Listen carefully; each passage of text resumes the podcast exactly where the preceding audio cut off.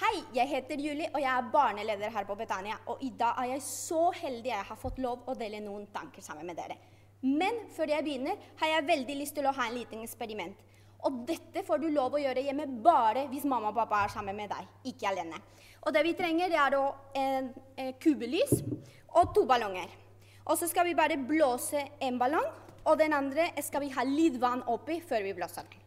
Er dere klare? Og det jeg lurer på, det er hva skjer hvis jeg tar den ballongen uten vann oppå flamme det her.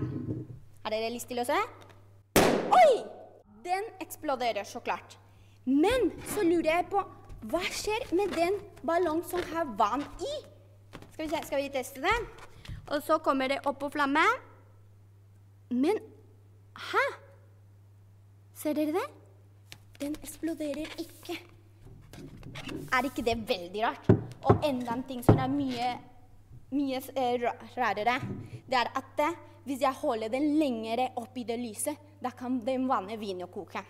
Men vet dere hvorfor den ikke eksploderer når jeg har den ikke spreker når jeg har den oppi den flamme? Og det er fordi vannet er der. Og da er det sånn at det vannet beskytter den ballongen.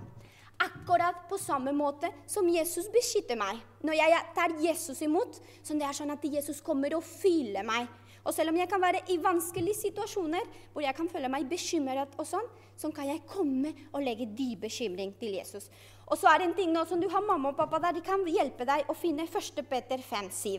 Og der står noe veldig interessant og sier kast alle bekymring på han, for han har omsorg for dere. Så i den situasjonen vi er nå, som kanskje vi er litt bekymret for ting Kanskje mamma og pappa har mista jobben, eller kanskje du kan ikke besøke dine besteforeldrene, og det gjør deg bekymring. Kan du vite at det, Jesus er sammen med deg? Han går ikke fra deg. Og dette kan du også finne i Bibelen, fordi det står i 5. Mosebok 31,6. For din Gud er selv den som går med deg. Han skal ikke slipe deg og ikke forlate deg. Og det er det som skjer når jeg tar Jesus imot. Sånn han er med og beskytter meg i de situasjoner hvor det er vanskelig. I de situasjoner hvor jeg føler at jeg ikke strekker til. Vet jeg at jeg kan være med og be til Jesus. Og så kan jeg legge de bekymringene i han. Det kan hende at det er ikke sånn at jeg ber til han, og så alle problemer er låst etterpå. Men han fyller meg med en fred som gjør at jeg kan roe ned og stole på at han er med meg.